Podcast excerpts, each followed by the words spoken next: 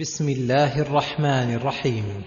سبحان الذي أسرى بعبده ليلا من المسجد الحرام إلى المسجد الأقصى الذي باركنا حوله لنريه من آياتنا. إنه هو السميع البصير. ينزه تعالى نفسه المقدسة ويعظمها لأن له الأفعال العظيمة والمنن الجسيمة. التي من جملتها أنه أسرى بعبده ورسوله محمد صلى الله عليه وسلم ليلا من المسجد الحرام الذي هو أجل المساجد على الإطلاق إلى المسجد الأقصى الذي هو من المساجد الفاضلة وهو محل الأنبياء فأسري به في ليلة واحدة إلى مسافة بعيدة جدا ورجع في ليلته وأراه الله من آياته ما ازداد به هدى وبصيرة وثباتا وفرقانا وهذا من اعتنائه تعالى به ولطفه حيث يسره لليسرى في جميع أموره وخوله نعما فاق بها الأولين والآخرين. وظاهر الآية أن الإسراء كان في أول الليل وأنه من نفس المسجد الحرام. لكن ثبت في الصحيح أنه أسري به من بيت أم هانئ. فعلى هذا تكون الفضيلة في المسجد الحرام لسائر الحرم. فكله تضاعف فيه العبادة كتضاعفها في نفس المسجد وأن الإسراء بروحه وجسده معا وإلا لم يكن في ذلك آية كبرى ومنقبة عظيمة. وقد تكاثرت الأحاديث الثابتة عن النبي صلى الله عليه وسلم في الإسراء وذكر تفاصيل ما رأى أنه أسري به إلى بيت المقدس ثم عرج به من هناك إلى السماوات حتى وصل إلى ما فوق السماوات العلى وراى الجنة والنار والأنبياء على مراتبهم وفرض الله عليه الصلوات خمسين. ثم ما زال يراجع ربه بإشارة موسى الكليم حتى صارت خمسا في الفعل وخمسين في الأجر والثواب. وحاز من المفاخر تلك الليلة هو وأمته ما لا يعلم مقداره إلا الله عز وجل.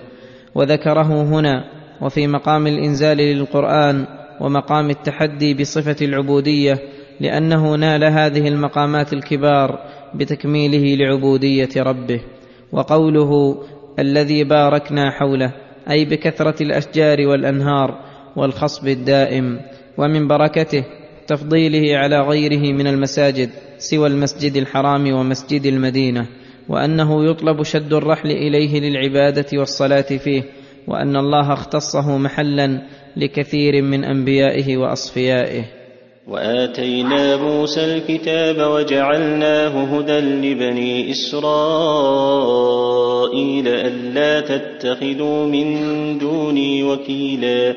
كثيرا ما يقرن الباري بين نبوة محمد صلى الله عليه وسلم ونبوة موسى صلى الله عليه وسلم وبين كتابيهما وشريعتيهما لأن كتابيهما أفضل الكتب وشريعتيهما أكمل الشرائع ونبوتيهما أعلى النبوات وأتباعهما أكثر المؤمنين. ولهذا قال هنا وآتينا موسى الكتاب الذي هو التوراة وجعلناه هدى لبني إسرائيل يهتدون به في ظلمات الجهل إلى العلم بالحق. ألا تتخذوا من دوني وكيلا. أي وقلنا لهم ذلك وأنزلنا إليهم الكتاب لذلك ليعبدوا الله وحده وينيبوا إليه ويتخذوه وحده وكيلا ومدبرا لهم في أمر دينهم ودنياهم ولا يتعلقوا بغيره من المخلوقين الذين لا يملكون شيئا ولا ينفعونهم بشيء. ذرية من حملنا مع نوح إنه كان عبدا شكورا. أي يا ذرية من مننا عليهم وحملناهم مع نوح؟ إنه كان عبدا شكورا. ففيه التنويه بالثناء على نوح عليه السلام بقيامه بشكر الله واتصافه بذلك والحث لذريته أن يقتدوا به في شكره ويتابعوه عليه وأن يتذاكروا نعمة الله عليهم إذ أبقاهم واستخلفهم في الأرض وأغرق غيرهم. وقضينا إلى بني إسرائيل في الكتاب لتفسدن في الأرض مرتين ولتعلن علوا كبيرا. وقضينا إلى بني إسرائيل أي تقدمنا وعهدنا إليهم وأخبرناهم في كتابهم أنهم لا بد أن يقع منهم إفساد في الأرض مرتين بعمل المعاصي والبطر لنعم الله والعلو في الأرض والتكبر فيها وأنه إذا وقع واحدة منهما سلط الله عليهم الأعداء وانتقم منهم وهذا تحذير لهم وإنذار لعلهم يرجعون فيتذكرون. فإذا جاء وعد أولاهما بعثنا عليكم عبادا لنا أولي بأس شديد فجاسوا خلال الديار وكان وعدا وكان وعدا مفعولا. فإذا جاء وعد أولاهما أي أولى المرتين اللتين يفسدون فيهما أي إذا وقع منهم ذلك الفساد بعثنا عليكم بعثا قدريا وسلطنا عليكم تسليطا كونيا جزائيا عبادا لنا أولي بأس شديد أي ذوي شجاعة وعدد وعدة فنصرهم الله عليكم فقتلوكم وسبوا أولادكم ونهبوا أموالكم. فجاسوا خلال الديار وهتكوا الدور ودخلوا المسجد الحرام وأفسدوه وكان وعدا مفعولا لا بد من وقوعه لوجود سببه منهم.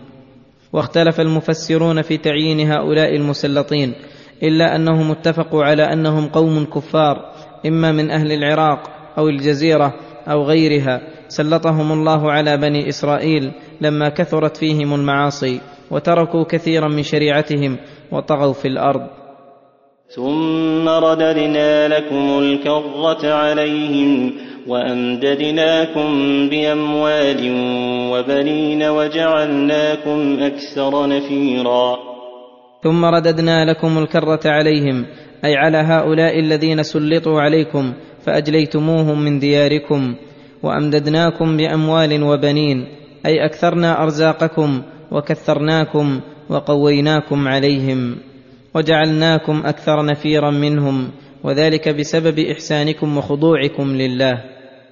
إن أحسنتم أحسنتم لأنفسكم وإن أسأتم فلها فإذا جاء وعد الآخرة ليسوءوا وجوهكم ليسوءوا وجوهكم وليدخلوا المسجد كما دخلوه أول مرة وليتبروا ما علوا تتبيرا. إن أحسنتم أحسنتم لأنفسكم لأن النفع عائد إليكم حتى في الدنيا كما شاهدتم من انتصاركم على أعدائكم. وإن أسأتم فلها أي فلأنفسكم يعود الضرر كما أراكم الله من تسليط الأعداء.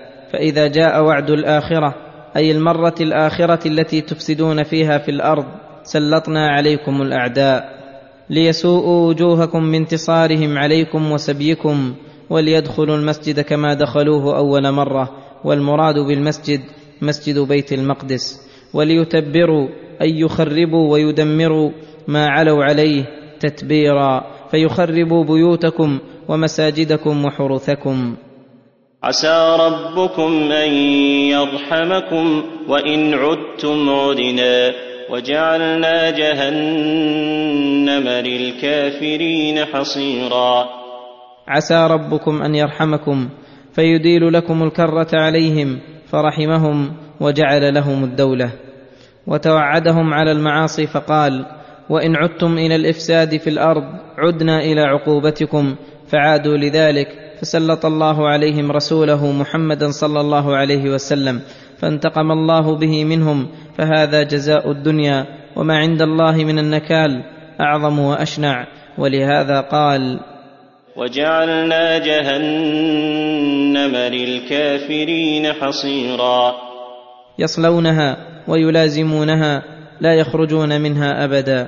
وفي هذه الآيات التحذير لهذه الأمة من العمل بالمعاصي لئلا يصيبهم ما أصاب بني إسرائيل فسنة الله واحدة لا تبدل ولا تغير.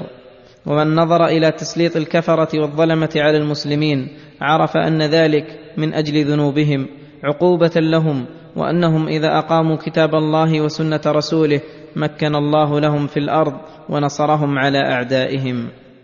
إن هذا القرآن يهدي للتي هي أقوم. ويبشر المؤمنين الذين يعملون الصالحات أن لهم أجرا كبيرا. يخبر تعالى عن شرف القرآن وجلالته وأنه يهدي للتي هي أقوم أي أعدل وأعلى من العقائد والأعمال والأخلاق. فمن اهتدى بما يدعو إليه القرآن كان أكمل الناس وأقومهم وأهداهم في جميع الأمور. ويبشر المؤمنين الذين يعملون الصالحات من الواجبات والسنن. إن لهم أجرا كبيرا.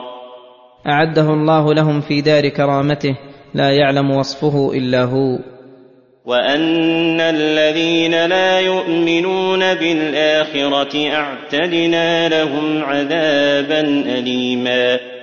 فالقرآن مشتمل على البشارة والنذارة وذكر الأسباب التي تنال بها البشارة وهو الإيمان والعمل الصالح والتي تستحق بها النذارة وهو ضد ذلك. ويدعو الإنسان بالشر دعاءه بالخير وكان الإنسان عجولا. وهذا من جهل الإنسان وعجلته حيث يدعو على نفسه وأولاده بالشر عند الغضب ويبادر بذلك الدعاء. كما يبادر بالدعاء في الخير ولكن الله بلطفه يستجيب له في الخير ولا يستجيب له بالشر. ولو يعجل الله للناس الشر استعجالهم بالخير لقضي إليهم أجلهم.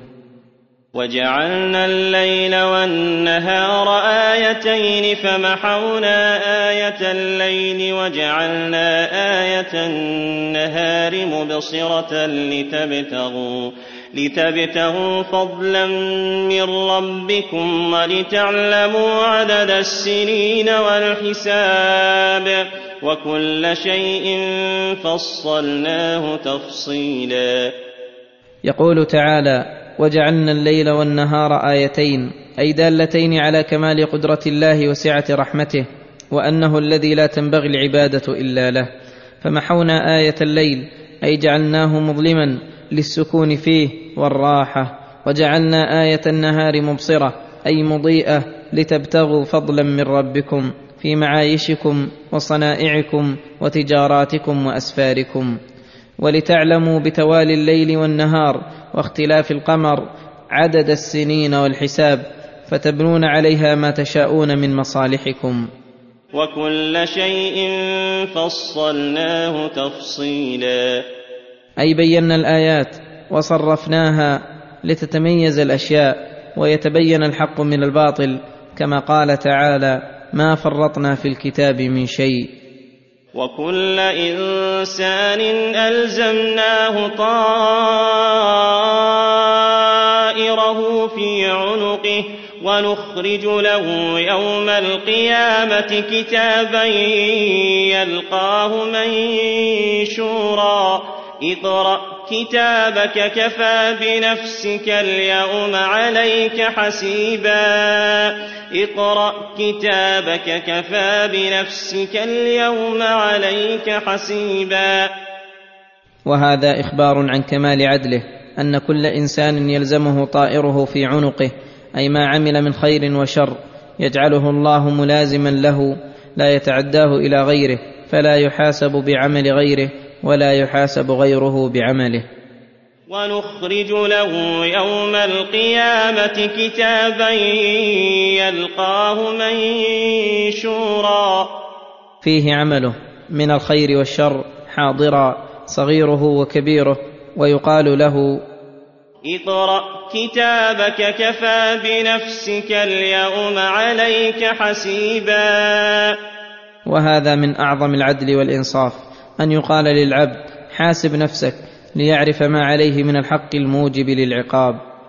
من اهتدى فإنما يهتدي لنفسه ومن ضل فإنما يضل عليها. ولا تزر وازرة وزر أخرى وما كنا معذبين حتى نبعث رسولا. أي هداية كل أحد وضلاله لنفسه ولا يحمل أحد ذنب أحد ولا يدفع عنه مثقال ذرة من الشر. والله تعالى أعدل العادلين لا يعذب أحدا حتى تقوم عليه الحجة بالرسالة ثم يعاند الحجة. وأما من انقاد للحجة أو لم تبلغه حجة الله تعالى فإن الله تعالى لا يعذبه. استدل بهذه الآية على أن أهل الفترات وأطفال المشركين لا يعذبهم الله. حتى يبعث إليهم رسولا لأنه منزه عن الظلم. وإذا أردنا أن نهلك قرية أمرنا متر فيها أمرنا متر فيها ففسقوا فيها فحق عليها القول فدمرناها تدميرا. يخبر تعالى أنه إذا أراد أن يهلك قرية من القرى الظالمة ويستأصلها بالعذاب أمر مترفيها أمرا قدريا ففسقوا فيها واشتد طغيانهم. فحق عليها القول أي كلمة العذاب التي لا مرد لها. فدمرناها تدميرا. وكم أهلكنا من القرون من بعد نوح وكفى بربك بذنوب عباده خبيرا بصيرا. وهؤلاء أمم كثيرة أبادهم الله بالعذاب من بعد قوم نوح كعاد وثمود وقوم لوط وغيرهم. من عاقبهم الله لما كثر بغيهم واشتد كفرهم أنزل الله بهم عقابه العظيم. وكفى بربك بذنوب عباده خبيرا بصيرا. فلا يخافون منه ظلما وأنه يعاقبهم على ما عملوه. من كان يريد العاجلة عجلنا له فيها ما نشاء لمن نريد. ثم جعلنا له جهنم يصلاها مذموما مدحورا.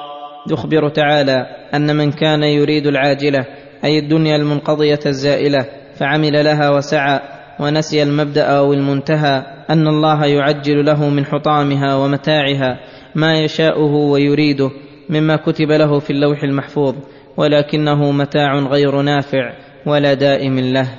ثم يجعل له في الآخرة جهنم يصلاها أي يباشر عذابها. مذموما مدحورا. أي في حالة الخزي والفضيحة والذم من الله ومن خلقه والبعد عن رحمة الله فيجمع له العذاب والفضيحة. ومن أراد الآخرة وسعى لها سعيها وهو مؤمن فأولئك كان سعيهم مشكورا. كلا نمد هؤلاء وهؤلاء من عطاء ربك وما كان عطاء ربك محظورا. ومن أراد الآخرة فرضيها وآثرها على الدنيا وسعى لها سعيها الذي دعت إليه الكتب السماوية والآثار النبوية فعمل بذلك على قدر إمكانه وهو مؤمن بالله وملائكته وكتبه ورسله واليوم الآخر. فأولئك كان سعيهم مشكورا.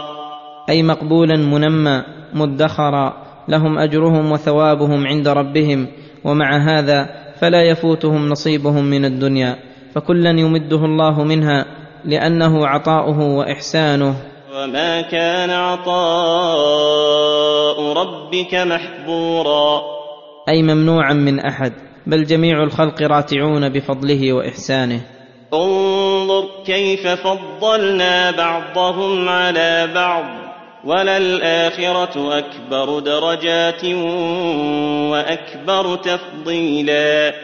انظر كيف فضلنا بعضهم على بعض في الدنيا بسعة الأرزاق وقلتها واليسر والعسر والعلم والجهل والعقل والسفه وغير ذلك من الأمور التي فضل الله العباد بعضهم على بعض بها. وللآخرة أكبر درجات وأكبر تفضيلا. فلا نسبة لنعيم الدنيا ولذاتها إلى الآخرة بوجه من الوجوه. فكم بين من هو في الغرف العاليات واللذات المتنوعات والسرور والخيرات والأفراح ممن هو يتقلب في الجحيم ويعذب بالعذاب الأليم. وقد حل عليه سخط الرب الرحيم.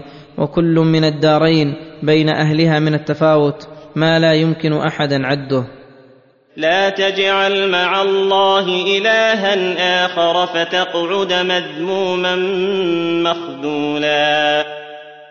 أي لا تعتقد أن أحدا من المخلوقين يستحق شيئا من العبادة ولا تشرك بالله أحدا منهم فإن ذلك داع للذم والخذلان. فالله وملائكته ورسله قد نهوا عن الشرك وذموا من عمله أشد الذم ورتبوا عليه من الأسماء المذمومة والأوصاف المقبوحة ما كان به متعاطيه أشنع الخلق وصفا وأقبحهم نعتا. وله من الخذلان في أمر دينه ودنياه بحسب ما تركه من التعلق بربه فمن تعلق بغيره فهو مخذول. قد وكل إلى من تعلق به ولا أحد من الخلق ينفع احدا إلا بإذن الله كما أن من جعل مع الله الها آخر له الذم والخذلان فمن وحده وأخلص دينه لله وتعلق به دون غيره فإنه محمود معان في جميع أحواله. وقضى ربك ألا تعبدوا إلا إياه وبالوالدين إحسانا إما يبلغن عندك الكبر أحدهما أو كلاهما فلا تقل لهما. فلا تقل لهما أف ولا تنهرهما وقل لهما قولا كريما. لما نهى تعالى عن الشرك به أمر بالتوحيد فقال وقضى ربك قضاء دينيا وامرا شرعيا ألا تعبدوا احدا من أهل الأرض والسماوات الأحياء والأموات إلا إياه لأنه الواحد الأحد الفرد الصمد الذي له كل صفة كمال وله من كل صفة أعظمها على وجه لا يشبهه أحد من خلقه وهو المنعم بالنعم الظاهرة والباطنة الدافع لجميع النقم الخالق الرازق المدبر لجميع الأمور فهو المتفرد بذلك كله وغيره ليس له من ذلك شيء. ثم ذكر بعد حقه القيام بحق الوالدين فقال وبالوالدين إحسانا. أي أحسنوا إليهما بجميع وجوه الإحسان القول والفعل لأنهما سبب وجود العبد ولهما من المحبة للولد والإحسان إليه والقرب ما يقتضي تأكد الحق ووجوب البر. إما يبلغن عندك الكبر أحدهما أو كلاهما أي إذا وصل إلى هذا السن الذي تضعف فيه قواهما ويحتاجان من اللطف والإحسان ما هو معروف فلا تقل لهما أف. وهذا أدنى مراتب الأذى نبه به على ما سواه والمعنى لا تؤذهما أدنى أذية ولا تنهرهما أي تزجرهما وتتكلم كلاما خشنا. وقل لهما قولا كريما.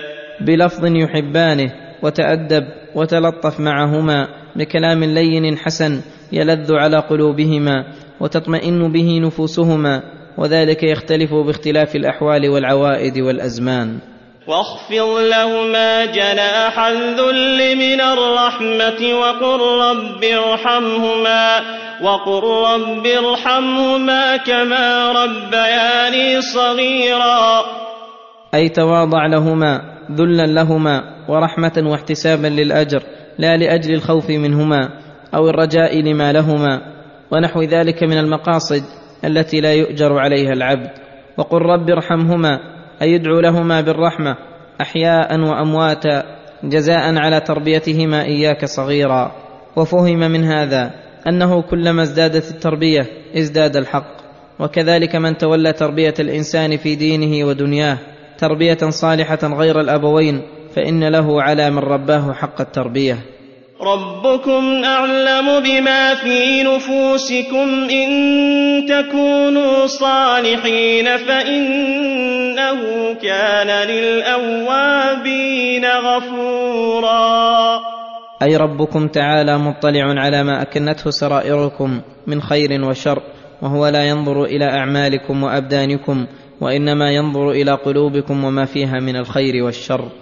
إن تكونوا صالحين بأن تكون إرادتكم ومقاصدكم دائرة على مرضاة الله ورغبتكم فيما يقربكم إليه وليس في قلوبكم إرادات مستقرة لغير الله فإنه كان للأوابين غفورا أي الرجاعين إليه في جميع الأوقات غفورا فمن اطلع الله على قلبه وعلم أنه ليس فيه إلا الإنابة إليه ومحبته ومحبة ما يقرب إليه فإنه وإن جرى منه في بعض الأوقات ما هو مقتضى الطبائع البشرية فإن الله يعفو عنه ويغفر له الأمور العارضة غير المستقرة.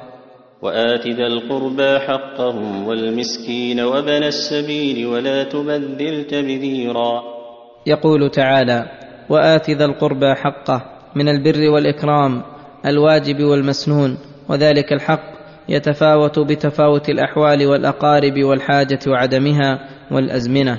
والمسكين آته حقه من الزكاة ومن غيرها لتزول مسكنته وابن السبيل وهو الغريب المنقطع به عن بلده ولا تبذر تبذيرا.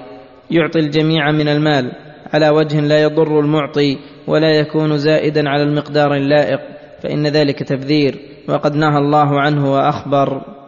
إن المبذرين كانوا إخوان الشياطين وكان الشيطان لربه كفورا وإما تعرضن عنهم ابتغاء رحمة من ربك ترجوها فقل لهم قولا ميسورا ولا تجعل يدك مغلولة إلى عنقك ولا تبسطها كل البسط فتقعد ملوما محسورا لأن الشيطان لا يدعو إلا إلى كل خصلة ذميمة فيدعو الإنسان إلى البخل والإمساك فإذا عصاه دعاه إلى الإسراف والتبذير.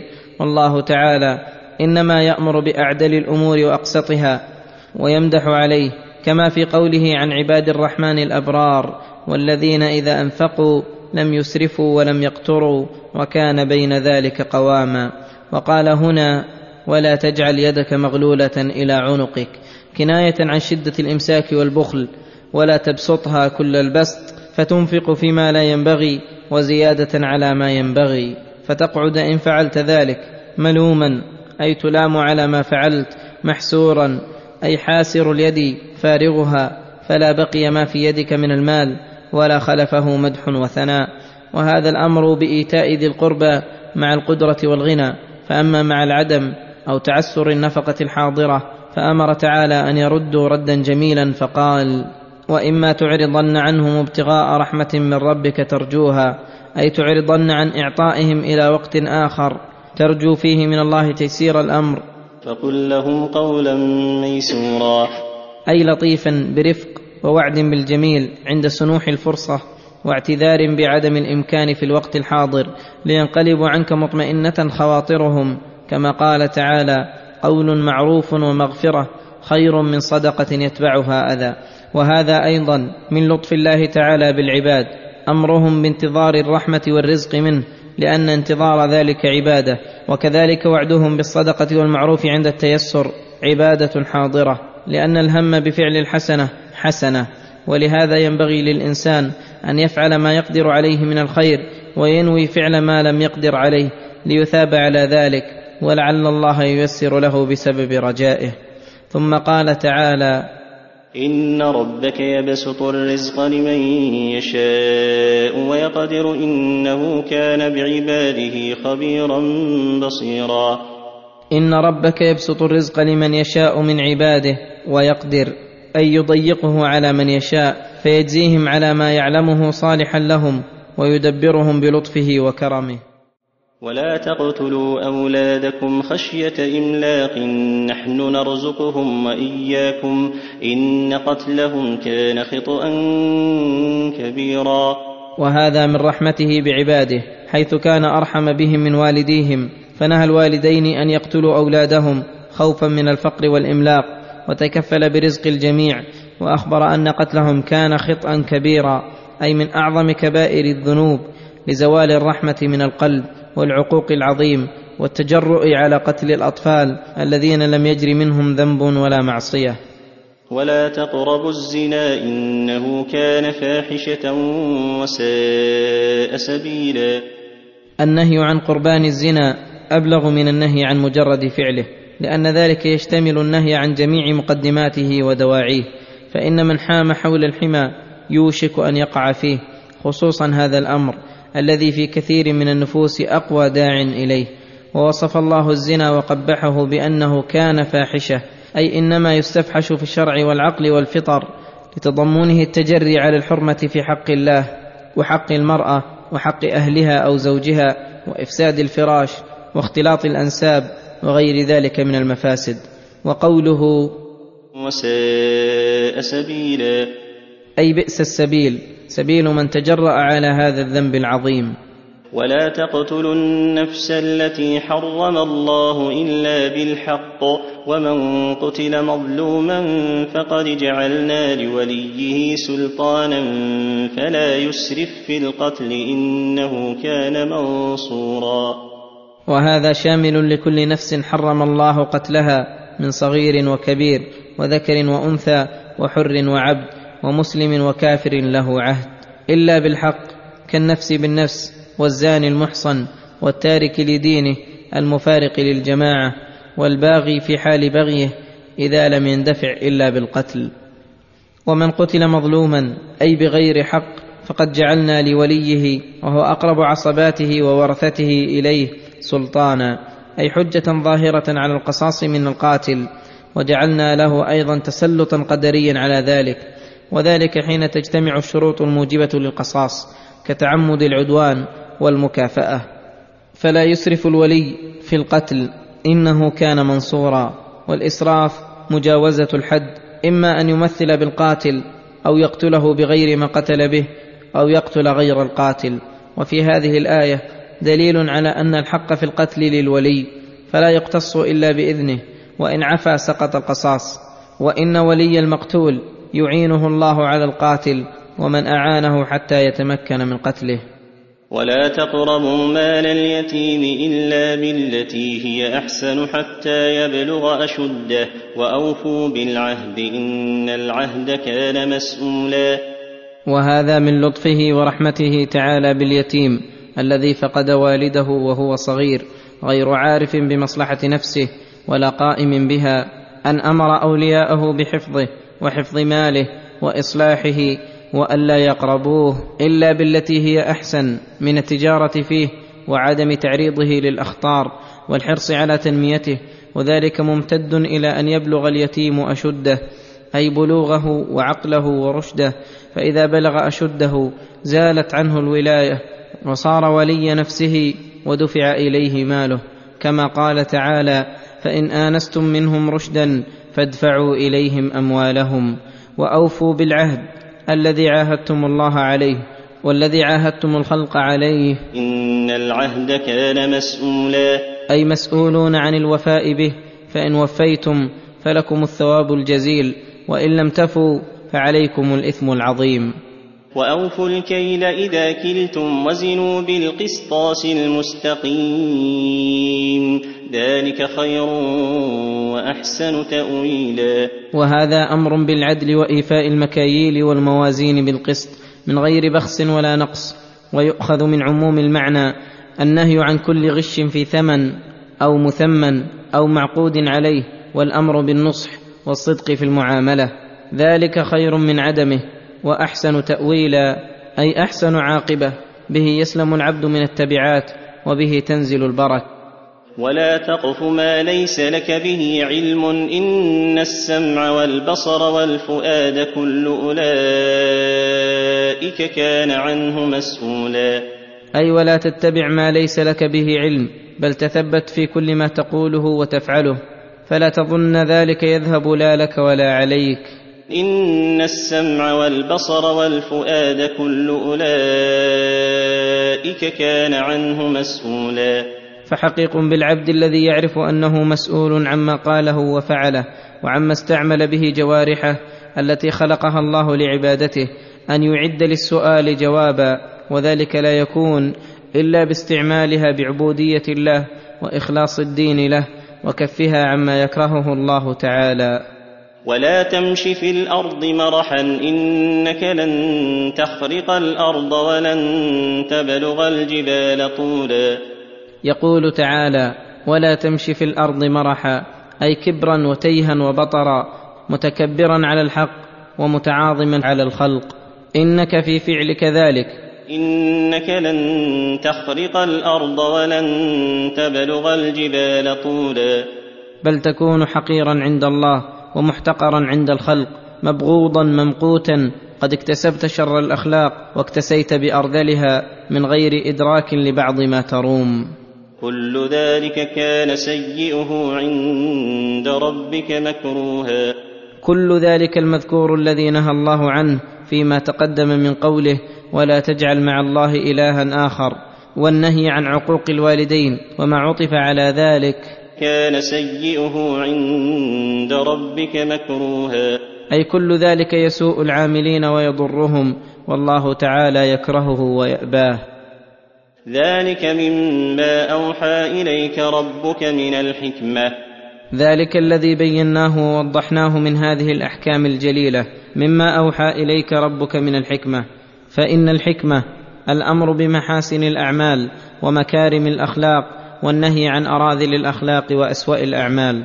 وهذه الأعمال المذكورة في هذه الآيات من الحكمة العالية التي أوحاها رب العالمين لسيد المرسلين في أشرف الكتب ليأمر بها أفضل الأمم فهي من الحكمة التي من أوتيها فقد أوتي خيرا كثيرا. ثم ختمها بالنهي عن عبادة غير الله كما افتتحها بذلك فقال ولا تجعل مع الله إلها آخر فتلقى في جهنم ملوما مدحورا. فتلقى في جهنم أي خالدا مخلدا فإنه من يشرك بالله فقد حرم الله عليه الجنة ومأواه النار. ملوما مدحورا. أي قد لحقتك اللائمه واللعنة والذم من الله وملائكته والناس أجمعين. افاصفاكم ربكم بالبنين واتخذ من الملائكه اناثا انكم لتقولون قولا عظيما وهذا إنكار شديد على من زعم أن الله اتخذ من خلقه بنات فقال افاصفاكم ربكم بالبنين واتخذ من الملائكه اناثا انكم لتقولون قولا عظيما أي اختار لكم الصفوة والقسم الكامل واتخذ لنفسه من الملائكة اناثا حيث زعموا أن الملائكة بنات الله.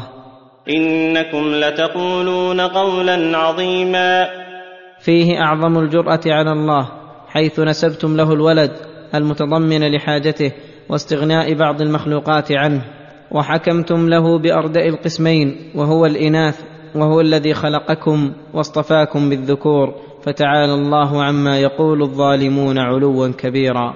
ولقد صرفنا في هذا القرآن ليذكروا وما يزيدهم إلا نفورا. يخبر تعالى أنه صرف لعباده في هذا القرآن أي نوع الأحكام ووضحها وأكثر من الأدلة والبراهين على ما دعا إليه ووعظ وذكر لأجل أن يتذكروا ما ينفعهم فيسلكوه وما يضرهم فيدعوه. ولكن أبى أكثر الناس إلا نفورا عن آيات الله لبغضهم للحق ومحبتهم ما كانوا عليه من الباطل حتى تعصبوا لباطلهم ولم يعيروا آيات الله لهم سمعا ولا ألقوا لها بالا. ومن أعظم ما صرف فيه الآيات والأدلة التوحيد الذي هو أصل الأصول فأمر به ونهى عن ضده وأقام عليه من الحجج العقلية والنقلية شيئا كثيرا بحيث أن من أصغى إلى بعضها لا تدع في قلبه شكا ولا ريبا. ومن الأدلة على ذلك هذا الدليل العقلي الذي ذكره هنا فقال قل لو كان معه آلهة كما يقولون إذا لابتغوا إلى ذي العرش سبيلا. قل للمشركين الذين يجعلون مع الله إلها آخر لو كان معه آلهة كما يقولون أي على موجب زعمهم وافترائهم. إذا لابتغوا إلى ذي العرش سبيلا. أي لاتخذوا سبيلا إلى الله بعبادته والإنابة إليه والتقرب وابتغاء الوسيلة.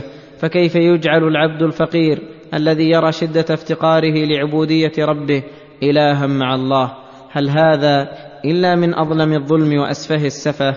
فعلى هذا المعنى تكون هذه الآية كقوله تعالى أولئك الذين يدعون يبتغون إلى ربهم الوسيلة أيهم أقرب؟ وكقوله تعالى ويوم يحشرهم وما يعبدون من دون الله. فيقول أأنتم أضللتم عبادي هؤلاء أم هم ضلوا السبيل؟ قالوا سبحانك ما كان ينبغي لنا أن نتخذ من دونك من أولياء. ويحتمل أن المعنى في قوله قل لو كان معه آلهة كما يقولون اذا لابتغوا إلى ذي العرش سبيلا أي لطلبوا السبيل وسعوا في مغالبة الله تعالى فإما أن يعلوا عليه فيكون من علا وقهر هو الرب الإله. فأما وقد علموا أنهم يقرون أن آلهتهم التي يعبدون من دون الله مقهورة مغلوبة ليس لها من الأمر شيء فلم اتخذوها وهي بهذه الحال؟ فيكون هذا كقوله تعالى ما اتخذ الله من ولد وما كان معه من إله إذا لذهب كل إله بما خلق ولعلى بعضهم على بعض. سبحانه وتعالى عما يقولون علوا كبيرا. سبحانه وتعالى أي تقدس وتنزه وعلت أوصافه عما يقولون من الشرك به واتخاذ الأنداد معه علوا كبيرا. فعلى قدره وعظم وجلت كبرياؤه التي لا تقادر أن يكون معه آلهة. فقد ضل من قال ذلك ضلالا مبينا وظلم ظلما كبيرا.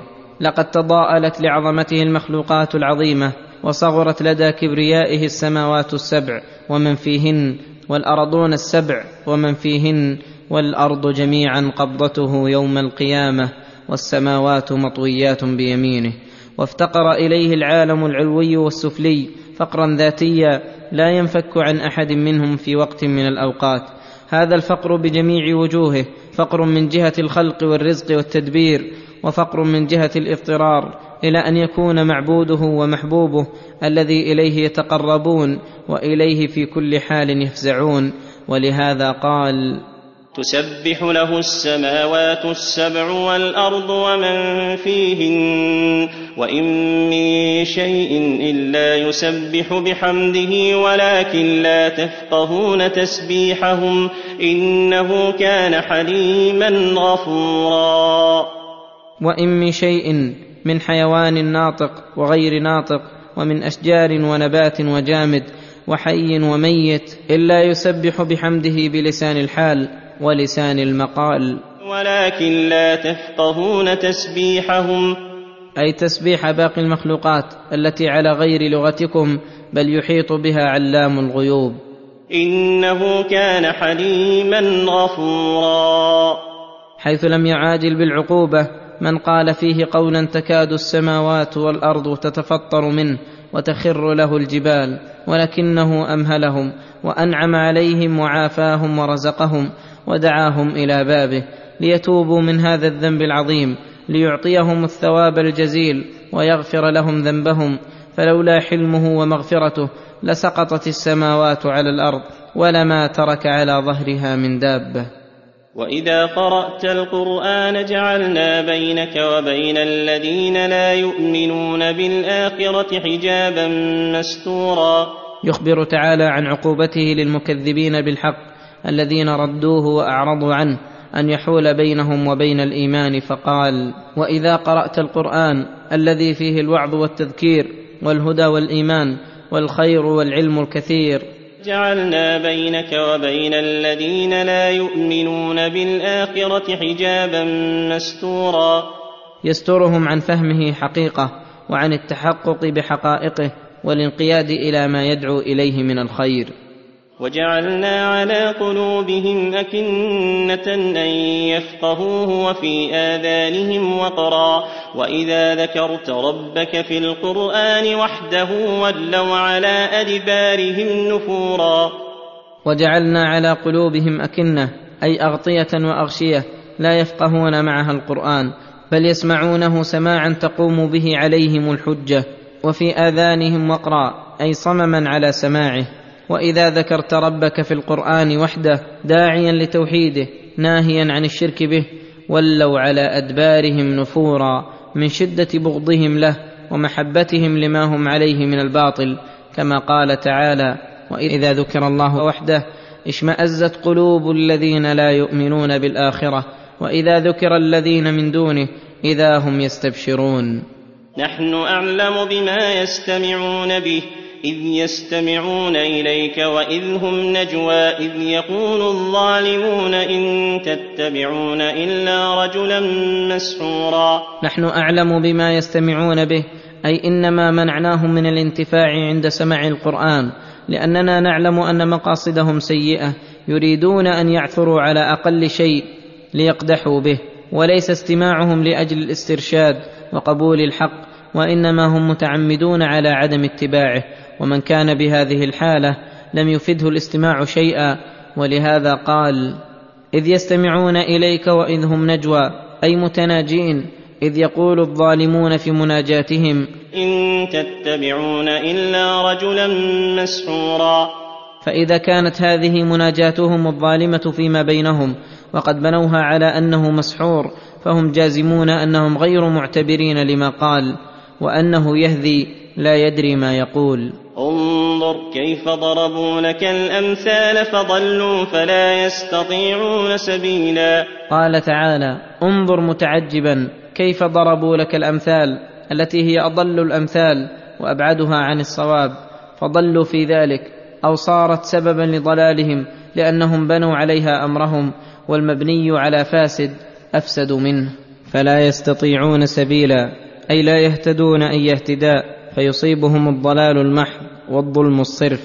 وقالوا أإذا كنا عظاما ورفاتا أإنا لمبعوثون خلقا جديدا قل كونوا حجارة أو حديدا أو خلقا مما يكبر في صدوركم فسيقولون من يعيدنا قل الذي فطركم أول مرة فسينغضون إليك رؤوسهم ويقولون متاه قل عسى أن يكون قريبا يوم يدعوكم فتستجيبون بحمده وتظنون إن لبثتم إلا قليلا. يخبر تعالى عن قول المنكرين للبعث وتكذيبهم به واستبعادهم بقولهم أإذا كنا عظاما ورفاتا أي أجسادا بالية أإنا لمبعوثون خلقا جديدا. أي لا يكون ذلك وهو محال بزعمهم. فجهلوا أشد الجهل حيث كذبوا رسول الله وجحدوا آيات الله وقاسوا قدرة خالق السماوات والأرض بقدرتهم الضعيفة العاجزة. فلما رأوا أن هذا ممتنع عليهم لا يقدرون عليه جعلوا قدرة الله كذلك. فسبحان من جعل خلقا من خلقه. يزعمون أنهم أولو العقول والألباب مثالا في جهل أظهر الأشياء وأجلاها وأوضحها براهين وأعلاها ليري عباده أنه ما ثم إلا توفيقه وإعانته أو الهلاك والضلال. ربنا لا تزغ قلوبنا بعد إذ هديتنا وهب لنا من لدنك رحمة إنك أنت الوهاب. ولهذا أمر رسوله صلى الله عليه وسلم أن يقول لهؤلاء المنكرين للبعث استبعادا. قل كونوا حجارة أو حديدا أو خلقا مما يكبر في صدوركم فسيقولون من يعيدنا؟ قل الذي فطركم أول مرة. أو خلقا مما يكبر في صدوركم أي يعظم في صدوركم لتسلموا بذلك على زعمكم من أن تنالكم قدرة الله. أو تنفد فيكم مشيئته فإنكم غير معجز الله في أي حالة تكونون وعلى أي وصف تتحولون وليس في أنفسكم تدبير في حالة الحياة وبعد الممات. فدعوا التدبير والتصريف لمن هو على كل شيء قدير وبكل شيء محيط. فسيقولون حين تقيم عليهم الحجة في البعث من يعيدنا؟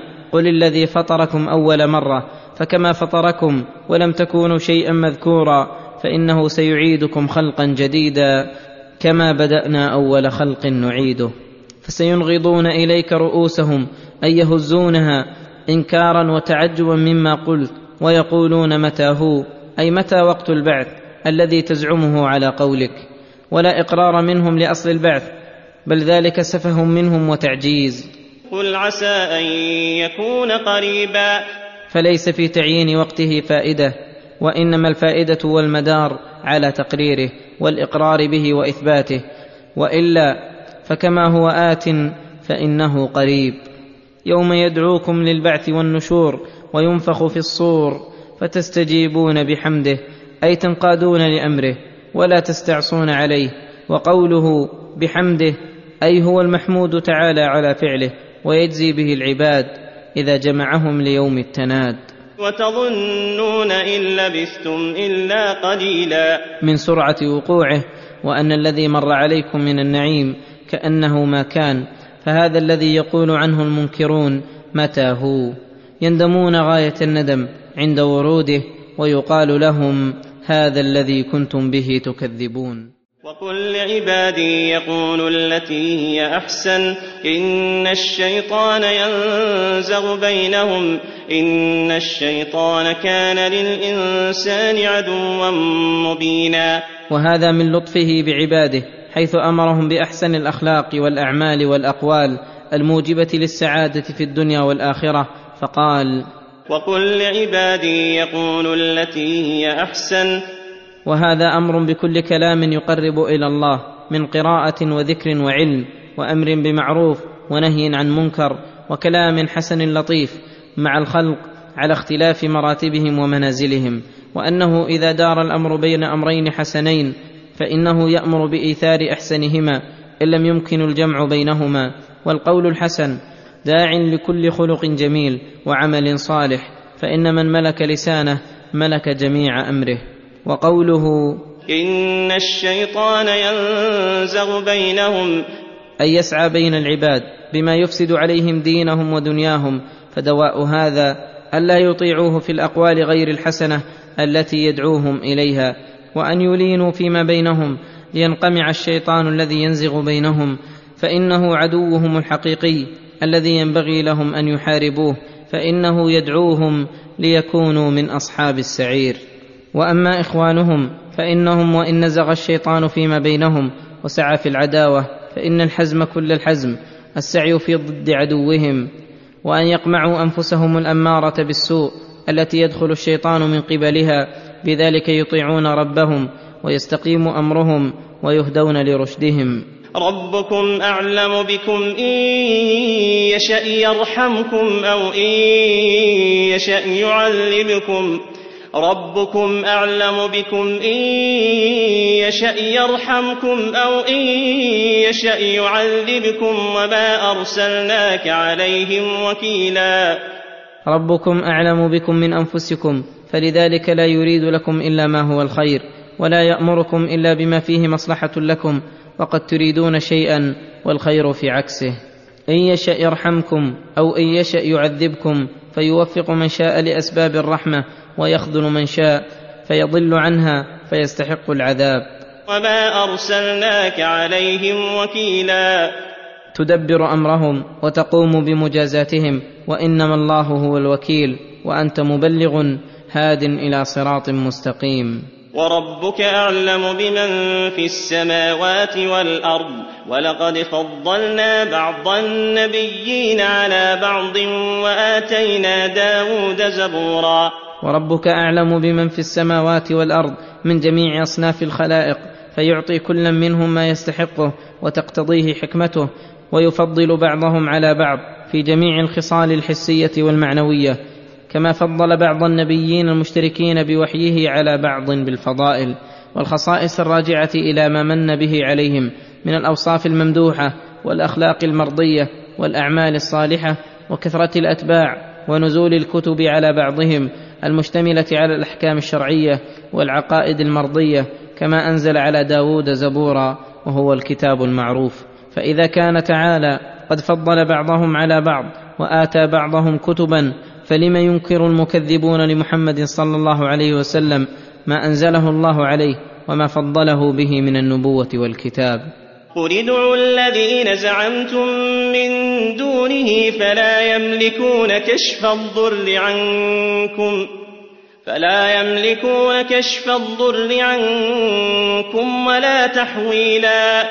يقول تعالى قل للمشركين بالله الذين اتخذوا من دونه أندادا يعبدونهم كما يعبدون الله ويدعونهم كما يدعونه ملزما لهم بتصحيح ما زعموه واعتقدوه إن كانوا صادقين.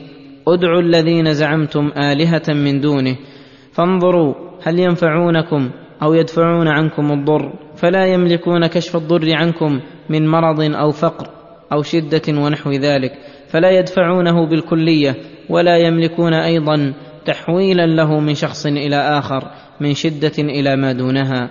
فإذا كانوا بهذه الصفة فلأي شيء تدعونهم من دون الله فإنه لا كمال لهم ولا فعال نافعة فاتخاذهم آلهة نقص في الدين والعقل وسفه في الرأي ومن العجب أن السفه عند الاعتياد والممارسة وتلقيه عن الآباء الضالين بالقبول يراه صاحبه هو الرأي السديد والعقل المفيد ويرى إخلاص الدين لله الواحد الأحد المنعم بجميع النعم الظاهرة والباطنة هو السفه والامر المتعجب منه كما قال المشركون أجعل الآلهة إلها واحدا إن هذا لشيء عجاب. ثم أخبر أيضا أن الذين يعبدونهم من دون الله في شغل شاغل عنهم باهتمامهم بالافتقار إلى الله وابتغاء الوسيلة إليه فقال أولئك الذين يدعون يبتغون إلى ربهم الوسيلة أيهم أقرب ويرجون رحمته ويخافون عذابه إن عذاب ربك كان محذورا. أولئك الذين يدعون من الأنبياء والصالحين والملائكة يبتغون إلى ربهم الوسيلة أيهم أقرب. اي يتنافسون في القرب من ربهم ويبذلون ما يقدرون عليه من الأعمال الصالحة المقربة إلى الله تعالى ويرجون رحمته ويخافون عذابه فيجتنبون كل ما يوصل إلى العذاب. إن عذاب ربك كان محذورا. أي هو الذي ينبغي شدة الحذر منه والتوقي من أسبابه. وهذه الأمور الثلاثة الخوف والرجاء والمحبة التي وصف الله بها هؤلاء المقربين عنده هي الأصل والمادة في كل خير فمن تمت له تمت له أمور. وإذا خلا القلب منها ترحلت عنه الخيرات وأحاطت به الشرور وعلامة المحبة ما ذكره الله.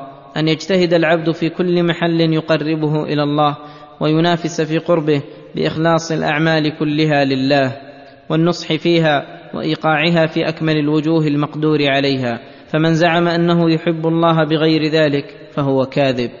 وإن من قرية إلا نحن مهلكوها قبل يوم القيامة أو معذبوها عذابا شديدا كان ذلك في الكتاب مسطورا. أي ما من قرية من القرى المكذبة للرسل إلا لا بد أن يصيبهم هلاك قبل يوم القيامة أو عذاب شديد كتاب كتبه الله. وقضاء أبرمه لا بد من وقوعه فليبادر المكذبون بالإنابة إلى الله وتصديق رسله قبل أن تتم عليهم كلمة العذاب ويحق عليهم القول. وما منعنا أن نرسل بالآيات إلا أن كذب بها الأولون وآتينا ثمود الناقة مبصرة فظلموا بها وما نرسل بالايات الا تخويفا. يذكر تعالى رحمته بعدم إنزاله الآيات التي اقترحها المكذبون وأنه ما منعه أن يرسلها إلا كراهة تكذيبهم لها فإذا كذبوا بها عاجلهم العقاب وحل بهم من غير تأخير كما فعل بالأولين الذين كذبوا بها. ومن أعظم الآيات الآية التي أرسلها الله إلى ثمود وهي الناقة العظيمة الباهرة التي كانت تصدر عنها جميع القبيلة بأجمعها ومع ذلك كذبوا بها فأصابهم ما قص الله علينا في كتابه وهؤلاء كذلك ولو جاءتهم الآيات الكبار لم يؤمنوا فإنه ما منعهم من الإيمان خفاء ما جاء به الرسول واشتباهه هل هو حق أو باطل؟ فإنه قد جاء ومعه من البراهين الكثيرة بما دل على صحة ما جاء به الموجب لهداية من طلب الهداية فغيرها مثلها. فلا بد أن يسلكوا بها ما سلكوا بغيرها فترك إنزالها والحالة هذه خير لهم وأنفع. وقوله وما نرسل بالآيات إلا تخويفا. أي لم يكن القصد بها أن تكون داعية وموجبة للإيمان الذي لا يحصل إلا بها بل المقصود منها التخويف والترهيب. ليرتدعوا عما هم عليه. وإذ قلنا لك إن ربك أحاط بالناس وما جعلنا الرؤيا التي أريناك إلا فتنة للناس والشجرة الملعونة في القرآن ونخوفهم فما يزيدهم إلا طغيانا كبيرا. وإذ قلنا لك إن ربك أحاط بالناس علما وقدره فليس لهم ملجأ يلجؤون إليه. ولا ملاذ يلوذون به عنه. وهذا كاف لمن له عقل في الانكفاف عما يكرهه الله الذي أحاط بالناس. وما جعلنا الرؤيا التي أريناك إلا فتنة أكثر المفسرين على أنها ليلة الإسراء. والشجرة الملعونة التي ذكرت في القرآن وهي شجرة الزقوم التي تنبت في أصل الجحيم. والمعنى إذا كان هذان الأمران قد صارا فتنة للناس حتى استلج الكفار بكفرهم وازداد شرهم وبعض من كان إيمانه ضعيفا رجع عنه بسبب أن ما أخبرهم به من الأمور التي كانت ليلة الإسراء ومن الإسراء من المسجد الحرام إلى المسجد الأقصى كان خارقا للعادة والإخبار بوجود شجرة تنبت في أصل الجحيم أيضا من الخوارق فهذا الذي أوجب لهم التكذيب فكيف لو شاهدوا الآيات العظيمة والخوارق الجسيمة؟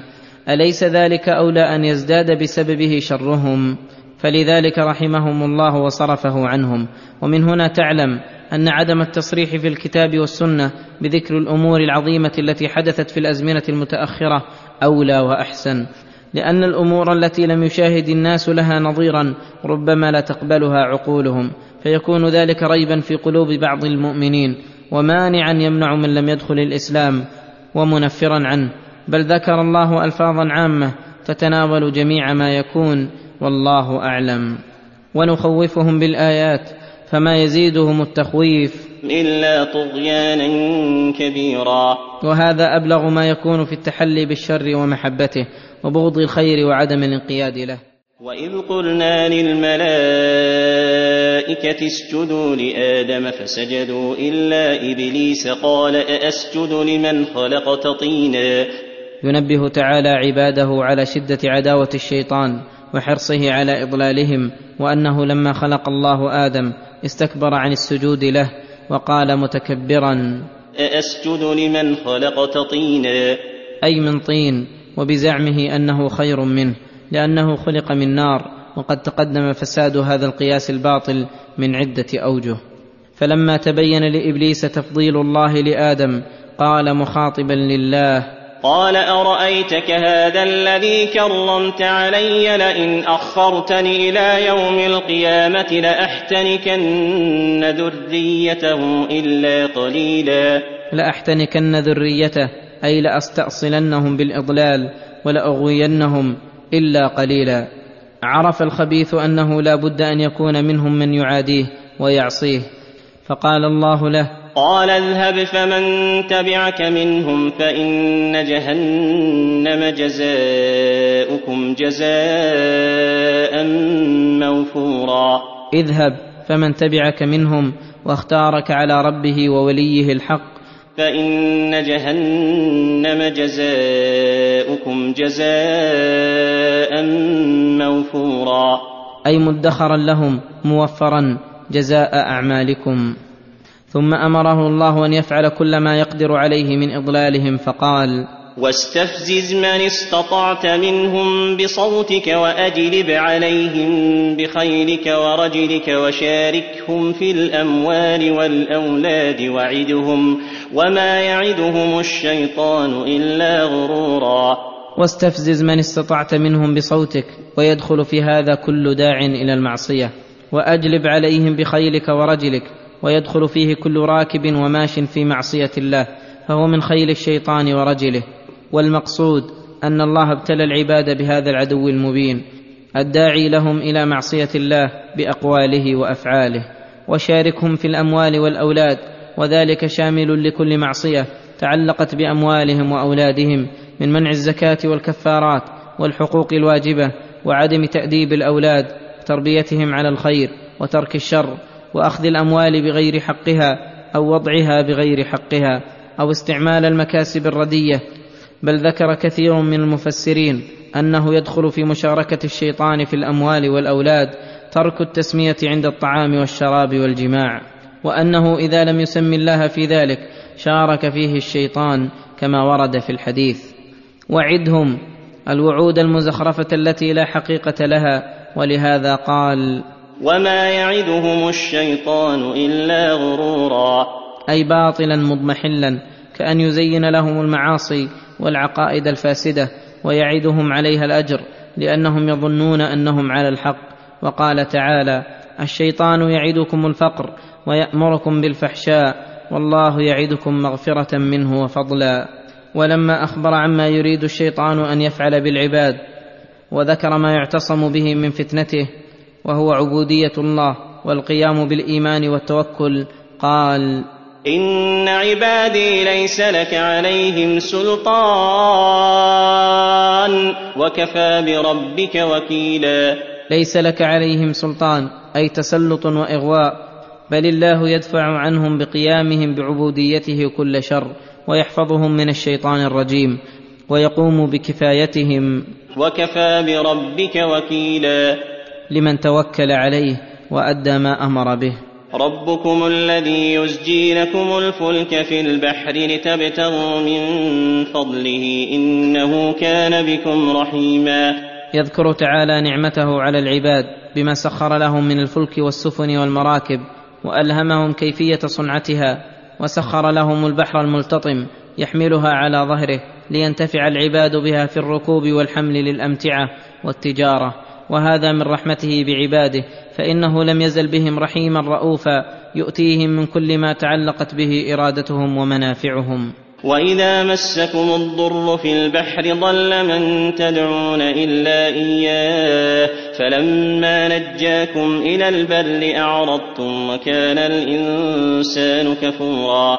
ومن رحمته الدالة على أنه وحده المعبود دون ما سواه أنهم إذا مسهم الضر في البحر فخافوا من الهلاك لتراكم الأمواج ضل عنهم ما كانوا يدعون من دون الله في حال الرخاء من الأحياء والأموات فكأنهم لم يكونوا يدعونهم في وقت من الأوقات لعلمهم أنهم ضعفاء عاجزون عن كشف الضر وصرخوا بدعوة فاطر الأرض والسماوات الذي يستغيث به في شدائدها جميع المخلوقات وأخلصوا له الدعاء والتضرع في هذه الحال.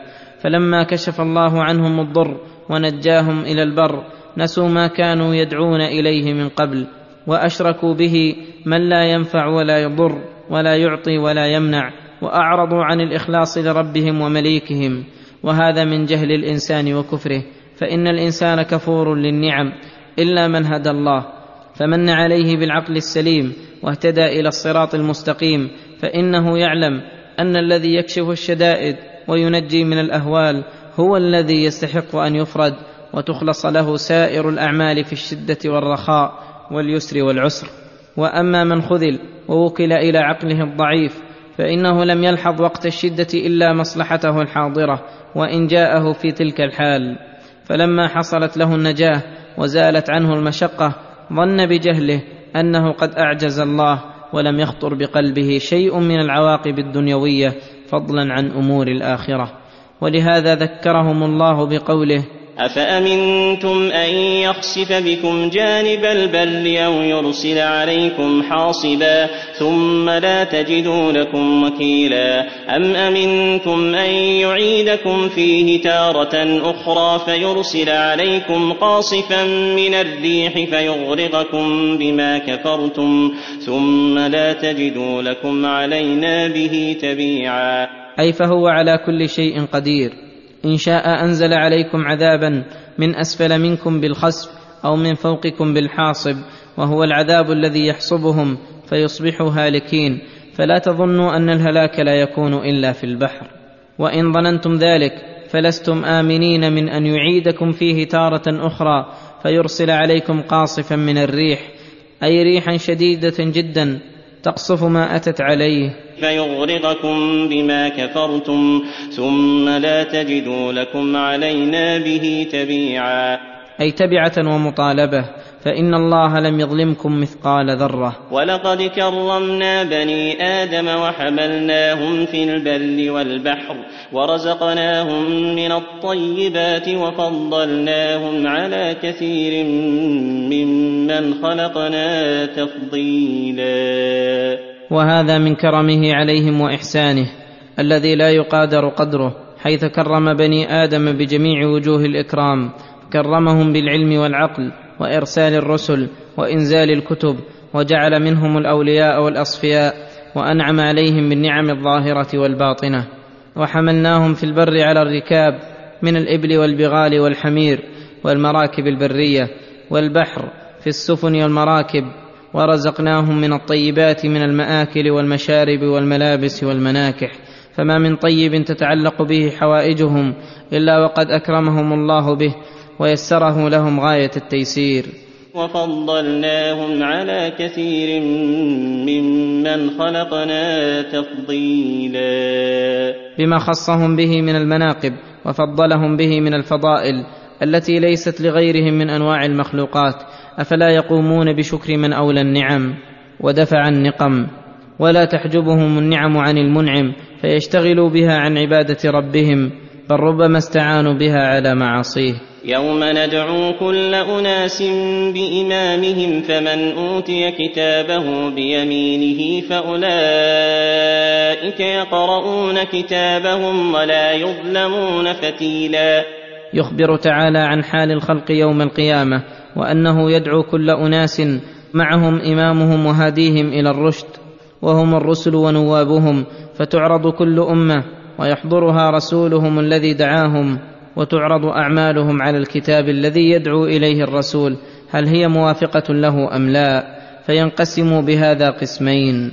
فمن أوتي كتابه بيمينه لكونه اتبع إمامه الهادي إلى صراط مستقيم واهتدى بكتابه فكثرت حسناته وقلت سيئاته. فأولئك يقرؤون كتابهم قراءة سرور وبهجة على ما يرون فيها مما يفرحهم ويسرهم. ولا يظلمون فتيلا مما عملوه من الحسنات. ومن كان في هذه أعمى فهو في الآخرة أعمى وأضل سبيلا. ومن كان في هذه الدنيا أعمى عن الحق فلم يقبله ولم ينقد له بل اتبع الضلال فهو في الآخرة أعمى عن سلوك طريق الجنة كما لم يسلكه في الدنيا وأضل سبيلا فإن الجزاء من جنس العمل وكما تدين تدان. وفي هذه الآية دليل على أن كل أمة تدعى إلى دينها وكتابها هل عملت به أم لا؟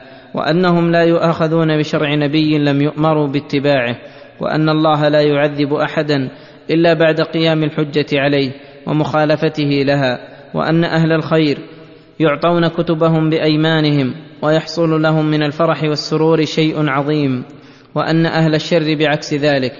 وأنهم لا يقدرون على قراءة كتبهم من شدة غمهم وحزنهم وثبورهم.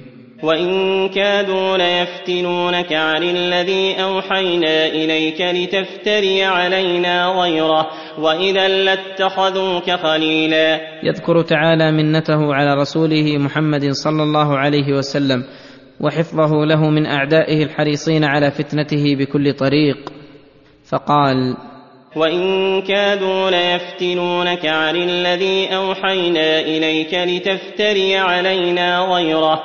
أي قد كادوا لك أمرا لم يدركوه وتحيلوا لك على أن تفتري على الله غير الذي أنزلنا إليك فتجيء بما يوافق أهواءهم وتدع ما أنزل الله إليك.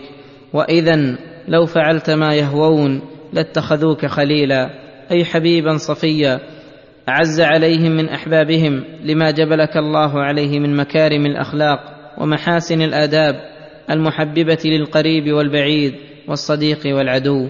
ولكن لتعلم أنهم لم يعادوك وينابذوك العداوة إلا للحق الذي جئت به لا لذاتك. كما قال الله تعالى قد نعلم إنه ليحزنك الذي يقولون فإنهم لا يكذبونك ولكن الظالمين بآيات الله يجحدون. ومع هذا ولولا أن ثبتناك لقد كدت تركن إليهم شيئا قليلا. لولا أن ثبتناك على الحق وامتننا عليك بعدم الإجابة لداعيهم. لقد كدت تركن إليهم شيئا قليلا. من كثرة المعالجة ومحبتك لهدايتهم. إذا لأذقناك ضعف الحياة وضعف الممات ثم لا تجد لك علينا نصيرا. اذا لو ركنت إليهم بما يهوون. لأذقناك ضعف الحياة وضعف الممات ثم لا تجد لك علينا نصيرا. أي لأصبناك بعذاب مضاعف في الدنيا والآخرة وذلك لكمال نعمة الله عليك. وكمال معرفتك. ثم لا تجد لك علينا نصيرا. ينقذك مما يحل بك من العذاب ولكن الله تعالى عصمك من أسباب الشر ومن الشر فثبتك وهداك الصراط المستقيم ولم تركن إليهم بوجه من الوجوه فله عليك أتم نعمة وأبلغ منحة. وإن كادوا ليستفزونك من الأرض ليخرجوك منها وإذا لا يلبثون خلافك إلا قليلا سنة من قد أرسلنا قبلك من رسلنا ولا تجد لسنتنا تحويلا أي من بغضهم لمقامك بين أظهرهم وقد كادوا أن يخرجوك من الأرض ويجلوك عنها ولو فعلوا ذلك لم يلبثوا بعدك إلا قليلا حتى تحل بهم العقوبة كما هي سنة الله التي لا تحول ولا تبدل في جميع الأمم. كل أمة كذبت رسولها واخرجته عاجلها الله بالعقوبة. ولما مكر به الذين كفروا وأخرجوه لم يلبثوا إلا قليلا حتى أوقع الله بهم ببدر وقتل صناديدهم وفض بيضتهم فله الحمد. وفي هذه الآيات دليل على شدة افتقار العبد إلى تثبيت الله إياه وأنه لا يزال متملقا لربه أن يثبته على الإيمان ساعيا في كل سبب موصل إلى ذلك لأن النبي صلى الله عليه وسلم وهو أكمل الخلق قال الله له ولولا أن ثبتناك لقد كدت تركن إليهم شيئا قليلا فكيف بغيره؟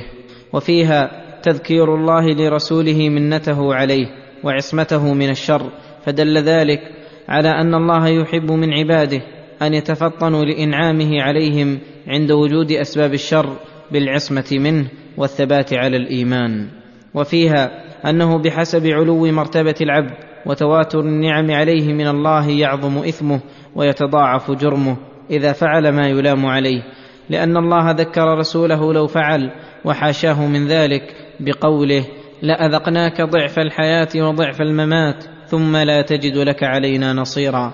وفيها أن الله إذا أراد إهلاك أمة تضاعف جرمها وعظم وكبر فيحق عليها القول من الله فيوقع بها العذاب كما هي سنته في الأمم إذا أخرجوا رسولهم. أقم الصلاة لدلوك الشمس إلى غسق الليل وقرآن الفجر إن قرآن الفجر كان مشهودا. يأمر تعالى نبيه محمدا صلى الله عليه وسلم بإقامة الصلاة تامة ظاهرا وباطنا في أوقاتها لدلوك الشمس أي ميلانها إلى الأفق الغربي بعد الزوال فيدخل في ذلك صلاة الظهر وصلاة العصر. إلى غسق الليل أي ظلمته فدخل في ذلك صلاة المغرب وصلاة العشاء وقرآن الفجر أي صلاة الفجر وسميت قرآنا لمشروعية إطالة القراءة فيها أطول من غيرها ولفضل القراءة فيها حيث شهدها الله وملائكة الليل والنهار. ففي هذه الآية ذكر الأوقات الخمسة للصلوات المكتوبات وأن الصلوات الموقعة فيها فرائض لتخصيصها بالأمر. ومنها أن الوقت شرط لصحة الصلاة وأنه سبب لوجوبها لأن الله أمر بإقامتها لهذه الأوقات وأن الظهر والعصر يجمعان والمغرب والعشاء كذلك للعذر لأن الله جمع وقتهما جميعا. وفيه فضيلة صلاة الفجر وفضيلة إطالة القراءة فيها وأن القراءة فيها ركن لأن العبادة إذا سميت ببعض أجزائها دل على فرضية ذلك. وقوله ومن الليل فتهجد به نافلة لك عسى أن يبعثك ربك مقاما محمودا. ومن الليل فتهجد به أي صل به في سائر أوقاته نافلة لك أي لتكون صلاة الليل زيادة لك في علو القدر ورفع الدرجات بخلاف غيرك فإنها تكون كفارة لسيئاته. ويحتمل أن يكون المعنى أن الصلوات الخمس فرض عليك وعلى المؤمنين بخلاف صلاة الليل فإنه فرض عليك بالخصوص ولكرامتك على الله أن جعل وظيفتك أكثر من غيرك وليكثر ثوابك وتنال بذلك المقام المحمود وهو المقام الذي يحمدك فيه الأولون والآخرون مقام الشفاعة العظمى حين يتشفع الخلائق بآدم ثم بنوح ثم إبراهيم ثم موسى ثم عيسى وكلهم يعتذر ويتأخر عنها حتى يستشفعوا بسيد ولد آدم ليرحمهم الله من هول الموقف وكربه فيشفع عند ربه فيشفعه ويقيمه مقاما يغبطه به الأولون والآخرون وتكون له المنة على جميع الخلق. وقوله وقل رب أدخلني مدخل صدق وأخرجني مخرج صدق واجعل لي من لدنك سلطانا نصيرا أي اجعل مداخلي ومخارجي كلها في طاعتك وعلى مرضاتك وذلك لتضمنها الإخلاص وموافقتها الأمر. واجعل لي من لدنك سلطانا نصيرا. أي حجة ظاهرة وبرهانا قاطعا على جميع ما آتيه وما أذره. وهذا أعلى حالة ينزلها الله العبد أن تكون أحواله كلها خيرا ومقربة له إلى ربه. وأن يكون له على كل حال من أحواله دليل ظاهر وذلك متضمن للعلم النافع والعمل الصالح للعلم بالمسائل والدلائل. وقوله وقل جاء الحق وزهق الباطل إن الباطل كان زهوقا. والحق هو ما أوحاه الله إلى رسوله محمد صلى الله عليه وسلم فأمره الله أن يقول ويعلن قد جاء الحق الذي لا يقوم له شيء وزهق الباطل أي اضمحل وتلاشى. إن الباطل كان زهوقا. أي هذا وصف الباطل ولكنه قد يكون له صولة ورواج إذا لم يقابله الحق. فعند مجيء الحق يضمحل الباطل فلا يبقى له حراك. ولهذا لا يروج الباطل إلا في الأزمان والأمكنة الخالية من العلم بآيات الله وبيناته. وقوله وننزل من القرآن ما هو شفاء ورحمة للمؤمنين. ولا يزيد الظالمين إلا خسارا.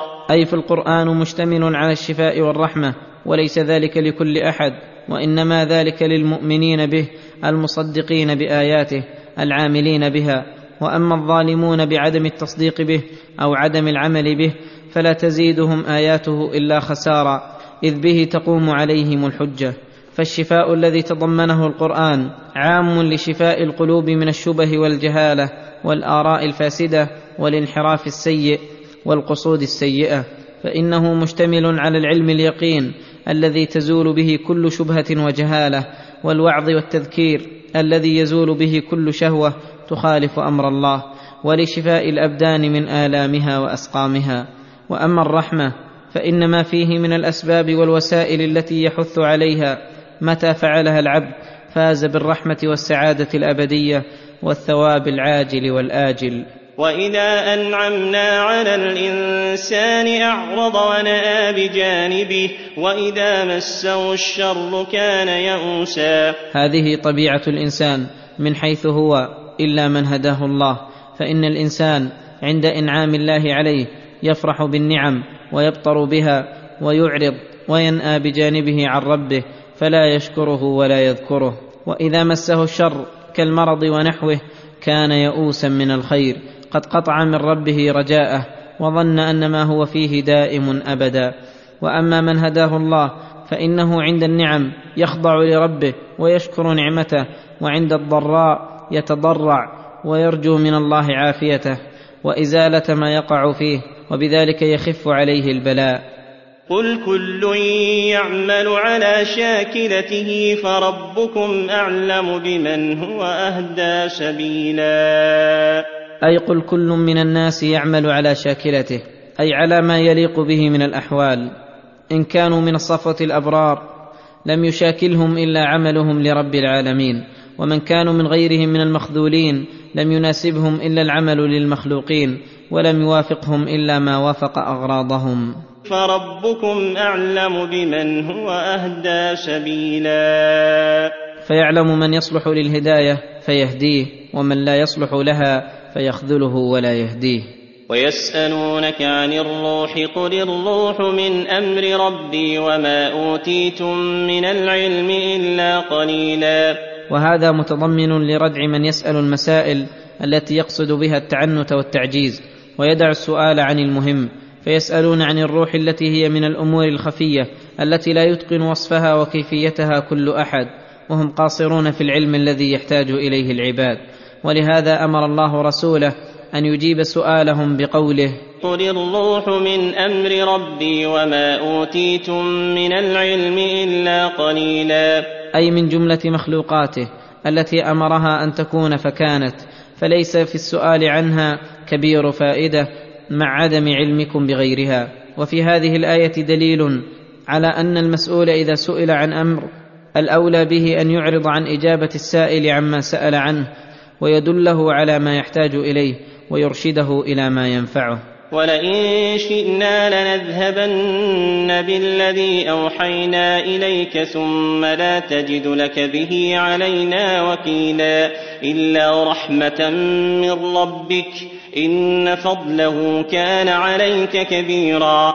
يخبر تعالى ان القران والوحي الذي اوحاه إلى رسوله رحمه منه عليه وعلى عباده وهو اكبر النعم على الاطلاق على رسوله فان فضل الله عليه كبير. لا يقادر قدره فالذي تفضل به عليك قادر على أن يذهب به ثم لا تجد رادا يرده ولا وكيلا يتوجه عند الله فيه فلتغتبط به ولتقر به عينك ولا يحزنك تكذيب المكذبين ولا استهزاء الضالين فإنهم عرضت عليهم أجل النعم فردوها لهوانهم على الله وخذلانه لهم. قل لئن اجتمعت الانس والجن على ان ياتوا بمثل هذا القران لا ياتون بمثله ولو كان بعضهم لبعض ظهيرا. وهذا دليل قاطع وبرهان ساطع على صحة ما جاء به الرسول وصدقه حيث تحدى الله الإنس والجن أن يأتوا بمثله وأخبر أنهم لا يأتون بمثله ولو تعاونوا كلهم على ذلك لم يقدروا عليه. ووقع كما أخبر الله فإن دواعي أعدائه المكذبين به متوفرة على رد ما جاء به بأي وجه كان وهم أهل اللسان والفصاحة. فلو كان عندهم أدنى تمكن من ذلك لفعلوه. فعلم بذلك أنهم أذعنوا غاية الإذعان طوعا وكرها وعجزوا عن معارضته. وكيف يقدر المخلوق من تراب؟ الناقص من جميع الوجوه الذي ليس له علم ولا قدرة ولا إرادة ولا مشيئة ولا كمال ولا كلام إلا من ربه أن يعارض كلام رب الأرض والسماوات المطلع على سائر الخفيات الذي له الكمال المطلق والحمد المطلق والمجد العظيم الذي لو أن البحر يمده من بعده سبعة أبحر مدادا والأشجار كلها أقلام لنفد المداد وفنيت الأقلام ولم تنفد كلمات الله فكما أنه ليس أحد من المخلوقين مماثلا لله في أوصافه فكلامه من أوصافه التي لا يماثله فيها أحد فليس كمثله شيء في ذاته وأسمائه وصفاته وأفعاله تبارك وتعالى فتبا لمن اشتبه عليه كلام الخالق بكلام المخلوق وزعم أن محمدا صلى الله عليه وسلم افتراه على الله واختلقه من نفسه. ولقد صرفنا للناس في هذا القرآن من كل مثل فأبى أكثر الناس إلا كفورا وقالوا لن نؤمن لك حتى تفجر لنا من الأرض أنبوعا أو تكون لك جنة من نخيل وعنب فتفجر الأنهار فتفجر الأنهار خلالها تفجيرا أو تسقط السماء كما زعمت علينا كسفا أو تأتي بالله والملائكة قبيلا أو يكون لك بيت من زخرف أو ترقى في السماء ولن نؤمن لرقيك حتى تنزل ولن نؤمن لرقيك حتى تنزل علينا كتابا نقرأه قل سبحان ربي هل كنت إلا بشرا رسولا قل سبحان ربي هل كنت إلا بشرا رسولا يقول تعالى ولقد صرفنا للناس في هذا القرآن من كل مثل أي نوعنا فيه المواعظ والأمثال وثنينا فيه المعاني التي يضطر إليها العباد لأجل أن يتذكروا ويتقوا فلم يتذكر إلا القليل منهم الذين سبقت لهم من الله سابقة السعادة وأعانهم الله بتوفيقه. وأما أكثر الناس فأبوا إلا كفورا لهذه النعمة التي هي أكبر من جميع النعم وجعلوا يتعنتون عليه باقتراح آيات غير آياته يخترعونها من تلقاء أنفسهم الظالمة الجاهلة. فيقولون لرسول الله صلى الله عليه وسلم الذي أتى بهذا القرآن المشتمل على كل برهان وآية. وقالوا لن نؤمن لك حتى تفجر لنا من الأرض أنبوعا. أي أنهارا جارية. أو تكون لك جنة من نخيل وعنب فتستغني بها عن المشي في الأسواق والذهاب والمجيء. أو تسقط السماء كما زعمت علينا كسفا أي قطعا من العذاب. أو تأتي بالله والملائكة قبيلا. أي جميعا أو مقابلة ومعاينة يشهدون لك بما جئت به. أو يكون لك بيت من زخرف أي مزخرف بالذهب وغيره أو ترقى في السماء رقيا حسيا. ومع هذا لن نؤمن لرقيك حتى تنزل علينا كتابا نقرأه. ولما كانت هذه تعنتات وتعجيزات وكلام أسفه الناس وأظلمهم المتضمنة لرد الحق وسوء أدب مع الله وأن الرسول صلى الله عليه وسلم هو الذي يأتي بالآيات أمره الله أن ينزهه فقال قل سبحان ربي هل كنت إلا بشرا رسولا. قل سبحان ربي عما تقولون علوا كبيرا. وسبحانه أن تكون أحكامه وآياته تابعة لأهوائهم الفاسدة وآرائهم الضالة. هل كنت إلا بشرا رسولا؟ ليس بيده شيء من الأمر. وما منع الناس أن يؤمنوا إذ جاءهم الهدى إلا أن قالوا أبعث الله بشرا رسولا. وهذا السبب الذي منع أكثر الناس من الإيمان. حيث كانت الرسل التي ترسل إليهم من جنسهم بشرا وهذا من رحمته بهم أن أرسل إليهم بشرا منهم فإنهم لا يطيقون التلقي من الملائكة. قل لو كان في الأرض ملائكة يمشون مطمئنين لنزلنا عليهم لنزلنا عليهم من السماء ملكا رسولا. قل لو كان في الأرض ملائكة يمشون مطمئنين يثبتون على رؤية الملائكة والتلقي عنهم. لنزلنا عليهم من السماء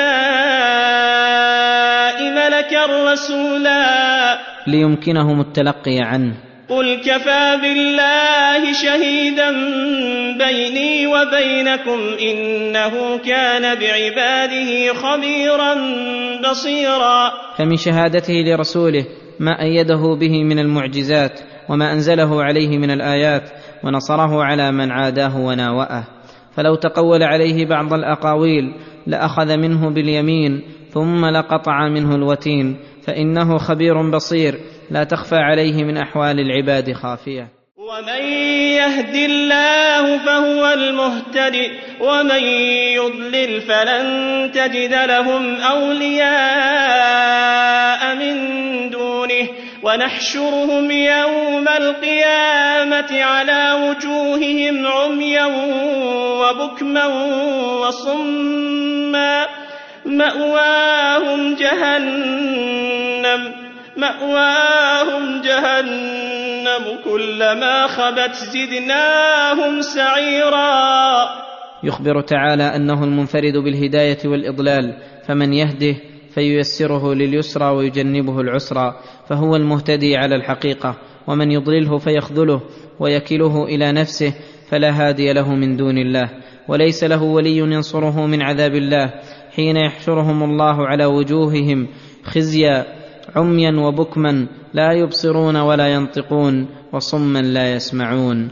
مأواهم أي مقرهم ودارهم جهنم التي جمعت كل هم وغم وعذاب. كلما خبت أي تهيأت للانطفاء زدناهم سعيرا. أي سعرناها بهم لا يفتر عنهم العذاب ولا يقضى عليهم فيموتوا ولا يخفف عنهم من عذابها.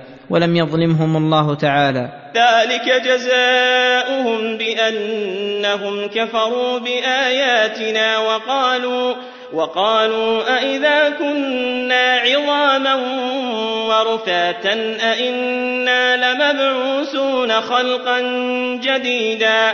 بل جزاهم بما كفروا بآياته وأنكروا البعث الذي أخبرت به الرسل ونطقت به الكتب وعجزوا ربهم فأنكروا تمام قدرته.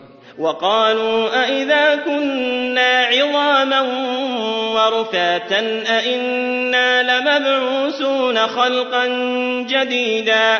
أي لا يكون هذا لأنه في غاية البعد عن عقولهم الفاسدة. أولم يروا أن الله الذي خلق السماوات والأرض قادر على أن يخلق مثلهم وجعل لهم أجلا لا ريب فيه فأبى الظالمون إلا كفورا. أولم يروا أن الله الذي خلق السماوات والأرض وهي أكبر من خلق الناس قادر على أن يخلق مثلهم. بلى إنه على ذلك قدير. ولكنه قد جعل لهم أجلا لا ريب فيه ولا شك وإلا فلو شاء لجاءهم به بغتة. ومع إقامته الحجج والأدلة على البعث. فأبى الظالمون إلا كفورا. ظلما منهم وافتراء. قل لو أنتم تملكون خزائن رحمة ربي إذا لأمسكتم خشية الإنفاق وكان الإنسان قتورا. قل لو أنتم تملكون خزائن رحمة ربي التي لا تنفد ولا تبيد إذا لأمسكتم خشية الإنفاق. أي خشية أن ينفد ما تنفقون منه مع أنه من المحال أن تنفد خزائن الله ولكن الإنسان مطبوع على الشح والبخل. ولقد آتينا موسى تسع آيات بينات فاسأل بني إسرائيل إذ جاءهم فقال له فرعون إني لأظنك يا موسى مسحورا. أي لست أيها الرسول المؤيد بالآيات أول رسول كذبه الناس فلقد أرسلنا قبلك موسى بن عمران الكليم إلى فرعون وقومه وآتيناه تسع آيات بينات كل واحدة منها تكفي لمن قصده اتباع الحق كالحية والعصا والطوفان والجراد والقمل والضفادع والدم واليد وفلق البحر فإن شككت في شيء من ذلك فاسأل بني إسرائيل إذ جاءهم فقال له فرعون مع هذه الآيات. فقال له فرعون إني لأظنك يا موسى مسحورا. قال لقد علمت ما أنزل هؤلاء إلا رب السماوات والأرض بصائر. وإني لأظنك يا فرعون مثبورا. قال له موسى لقد علمت يا فرعون ما أنزل هؤلاء الآيات إلا رب السماوات والأرض بصائر منه لعباده. فليس قولك هذا بالحقيقة وإنما قلت ذلك ترويجا على قومك واستخفافا لهم. وإني لأظنك يا فرعون مثبورا. أي ممقوتا ملقا في العذاب لك الويل والذم واللعنة. فأراد أن يستفزهم من الأرض فأغرقناه ومن معه جميعا. فأراد فرعون أن يستفزهم من الأرض أي يجليهم ويخرجهم منها. فأغرقناه ومن معه جميعا. وأورثنا بني إسرائيل أرضهم وديارهم. ولهذا قال وقلنا من بعده لبني إسرائيل اسكنوا الأرض. فإذا جاء وعد الآخرة جئنا بكم لفيفا. أي جميعا ليجازى كل عامل بعمله. وبالحق أنزلناه وبالحق نزل. وما أرسلناك إلا مبشرا ونذيرا. أي وبالحق أنزلنا هذا القرآن الكريم لأمر العباد ونهيهم وثوابهم وعقابهم. وبالحق نزل. أي بالصدق والعدل والحفظ من كل شيطان رجيم. وما أرسلناك إلا مبشرا من أطاع الله بالثواب العاجل والآجل ونذيرا لمن عصى الله بالعقاب العاجل والآجل ويلزم من ذلك بيان ما يبشر به وينذر. وقرآنا فرقناه لتقرأه على الناس على مكث ونزلناه تنزيلا. أي وأنزلنا هذا القرآن مفرقا فارقا بين الهدى والضلال والحق والباطل. لتقرأه على الناس على مكث ونزلناه تنزيلا. أي على مهل ليتدبروه ويتفكروا في معانيه ويستخرجوا علومه. ونزلناه تنزيلا. أي شيئا فشيئا مفرقا في ثلاث وعشرين سنة. ولا يأتونك بمثل إلا جئناك بالحق وأحسن تفسيرا. فإذا تبين أنه الحق الذي لا شك فيه ولا ريب بوجه من الوجوه. قل آمنوا به أو لا تؤمنوا إن الذين أوتوا العلم من قبله إذا يتلى عليهم يخرون إذا يتلى عليهم يخرون للأذقان سجدا. قل لمن كذب به وأعرض عنه آمنوا به أو لا تؤمنوا. فليس لله حاجة فيكم ولستم بضاريه شيئا وإنما ضرر ذلكم عليكم فإن لله عبادا غيركم وهم الذين آتاهم الله العلم النافع. إذا يتلى عليهم يخرون للأذقان سجدا.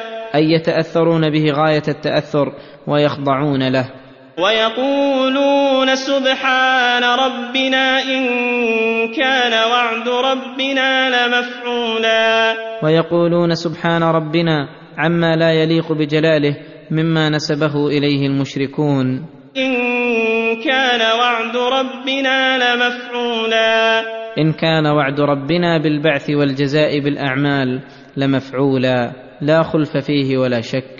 ويخرون للأذقان يبكون ويزيدهم خشوعا. ويخرون للأذقان أي على وجوههم يبكون ويزيدهم القرآن خشوعا. وهؤلاء الذين من الله عليهم من مؤمني أهل الكتاب كعبد الله بن سلام وغيره ممن آمن في وقت النبي صلى الله عليه وسلم وبعد ذلك. قل ادعوا الله أو ادعوا الرحمن أيما تدعوا فله الأسماء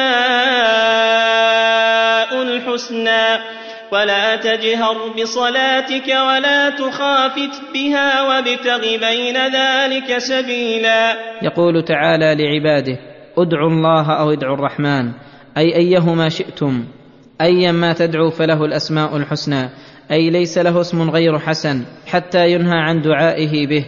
أي اسم دعوتموه به حصل به المقصود والذي ينبغي أن يدعى في كل مطلوب مما يناسب ذلك الاسم. ولا تجهر بصلاتك أي قراءتك ولا تخافت بها فإن في كل من الأمرين محذورا. أما الجهر فإن المشركين المكذبين به إذا سمعوه سبوه وسبوا من جاء به. وأما المخافته فإنه لا يحصل المقصود لمن أراد استماعه مع الإخفاء وابتغ بين ذلك أي اتخذ بين الجهر والإخفاء سبيلا أي تتوسط فيما بينهما. وقل الحمد لله الذي لم يتخذ ولدا ولم يكن له شريك في الملك ولم يكن له شريك في الملك ولم يكن له ولي من الذل وكبره تكبيرا. وقل الحمد لله الذي له الكمال والثناء والحمد والمجد من جميع الوجوه المنزه عن كل آفة ونقص. الذي لم يتخذ ولدا ولم يكن له شريك في الملك بل الملك كله لله الواحد القهار.